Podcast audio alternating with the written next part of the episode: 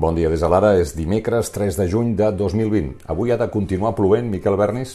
Aquesta tarda i nit serà probablement quan plourà en més indrets aquesta setmana. Les tempestes seran localment fortes i afectaran especialment la meitat nord de Catalunya. Avui l'ambient no canviarà gaire, però demà la refrescada serà notable. Una altra nit de manifestacions multitudinàries als Estats Units en protesta per la mort de George Floyd a mans de la policia dilluns de la setmana passada. Aquesta nit el toc de queda començava a Nova York a les 8 del vespre, tot i així ha sortit molta gent al carrer, també a Los Angeles amb manifestacions massives. Fixeu-vos aquestes fotografies de la periodista de la cadena ABC, Marta Radats, eh, fotografies preses al peu del Memorial Lincoln a Washington, fortament rodejat per antidisturbis eh, perfectament equipats. La violència sembla que va de baixa, ja dic que la protesta de la nit bàsicament ha consistit en grans manifestacions, n'hi ha hagut a Nova York i a Los Angeles, i aquí eh, tenen aquestes ciutats assenyalades al mapa, que són els llocs on s'han produït protestes al carrer aquests dies. Avui publiquem aquest article de Paul Krugman Premi Nobel d'Economia. Crec que no exagero si dic que els Estats Units que coneixem són el caire de l'abisme. Durant les últimes quatre dècades, les elites benestants han utilitzat el racisme blanc com una arma per obtenir el poder polític i a la contraportada en Josep Ramoneda escriu que hi ha molts periodistes americans que no tenen clar que al novembre hi hagi eleccions als Estats Units. Eh, és a dir, que mm, invocant qualsevol mena d'obstacle, com aquestes manifestacions o el virus o el que fos, Donald Trump podia no convocar-les. Ara veurem, diu Ramoneda, els límits del que es llença contra qualsevol que el posi en qüestió. Avui el Congrés Pedro Sánchez aconseguirà una última pròrroga de l'estat eh, d'alarma, serà una pròrroga plàcida, l'ha pactat a tres bandes, Esquerra Republicana, Ciutadans i el Partit Nacionalista Basc. Però Sánchez té un altre problema i greu. El ministre Marlaska va mentir. Quan? Quan va cessar el coronel de la Guàrdia Civil Pérez de los Cobos havia elaborat un informe per valorar si el govern espanyol va cometre algun delicte autoritzant la manifestació del 8M. Aquell eh, informe ple d'incorreccions, de, de, de manipulacions, com els que van eh, elaborar per condemnar els presos polítics, es va filtrar posteriorment a la premsa, cosa que va provocar la indignació del ministre, que no en sabia res. Es pot dir, per tant, que la Guàrdia Civil conspirava d'amagat del ministre fent informes que buscaven incriminar membres del govern espanyol. Marlaska va ordenar el cessament de De los Cobos, però va negar en seu parlamentària eh, que el motiu del cessament fos eh, que no havia estat informat d'uns informes.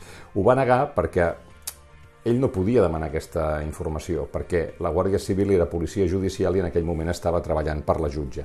Bé, al final resulta que aquest va ser el motiu real perquè ara ha aparegut l'ordre interna que va donar Marlaska.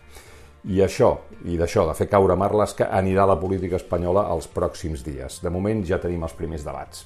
Es indigno que al frente de la Guardia Civil y el Ministerio del Interior esté una persona que esté acusada por todos nosotros, por toda la sociedad española, fundamentalmente de haber hecho una injerencia en una investigación judicial que les afecta a ustedes. Pretenden tapar su propia negligencia en la gestión de la crisis sanitaria.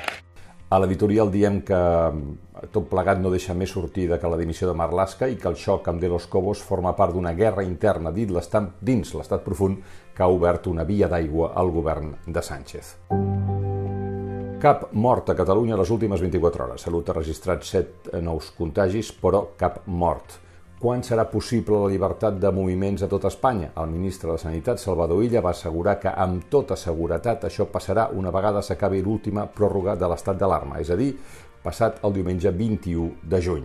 A Itàlia ja poden circular sense restriccions de moviments a l'interior del país a partir d'avui. A Itàlia hi ha hagut 33.530 morts, la tercera xifra més alta del món darrere Estats Units, que passen dels 100.000, i la Gran Bretanya, que han arribat als 62.000.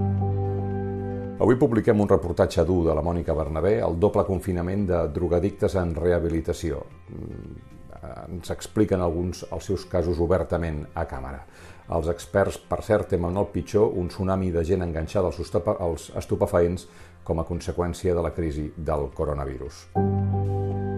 El conseller d'Educació, Josep Bargalló, ha dit a les escoles que actuïn com a servei públic per reobrir. Ahir vam entrevistar el director general d'Atenció a la Família i a la Comunitat Educativa, Juanjo Falcó.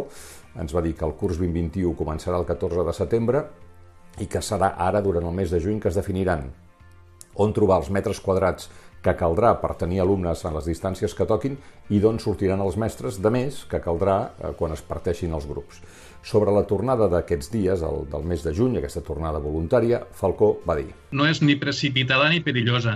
Que els centres han tingut tota una setmana per preparar-se. Els que han obert ahir o, han obert, o, o obren avui. Els que obriran el dia 8 encara tindran una altra setmana. Ens hauria agradat tenir més temps? Sí, el temps que han tingut és suficient, sí, i la prova és que els centres han obert amb l'adopció de totes les mesures. Per tant, no és precipitat i molt menys és perillós, molt menys és perillós. Ja l'he comentat, tota aquesta bateria de, de mesures que no les establert el Departament d'Educació, sinó les han establert els que en saben d'això. I acabem. Avui ha de ploure, però les temperatures continuen sent bastant altes, de manera que us pot interessar fer una sangria de fruites a partir de la recepta que ens ha preparat en Ferran Adrià. El xef de l'Hospitalet de Llobregat ens explica com preparar aquesta beguda tan habitual en l'època estival. Fins aquí les claus del dia. Gràcies per acompanyar-nos. D'aquí uns minuts tornem amb l'anàlisi de l'actualitat. Que tingueu un bon dimecres.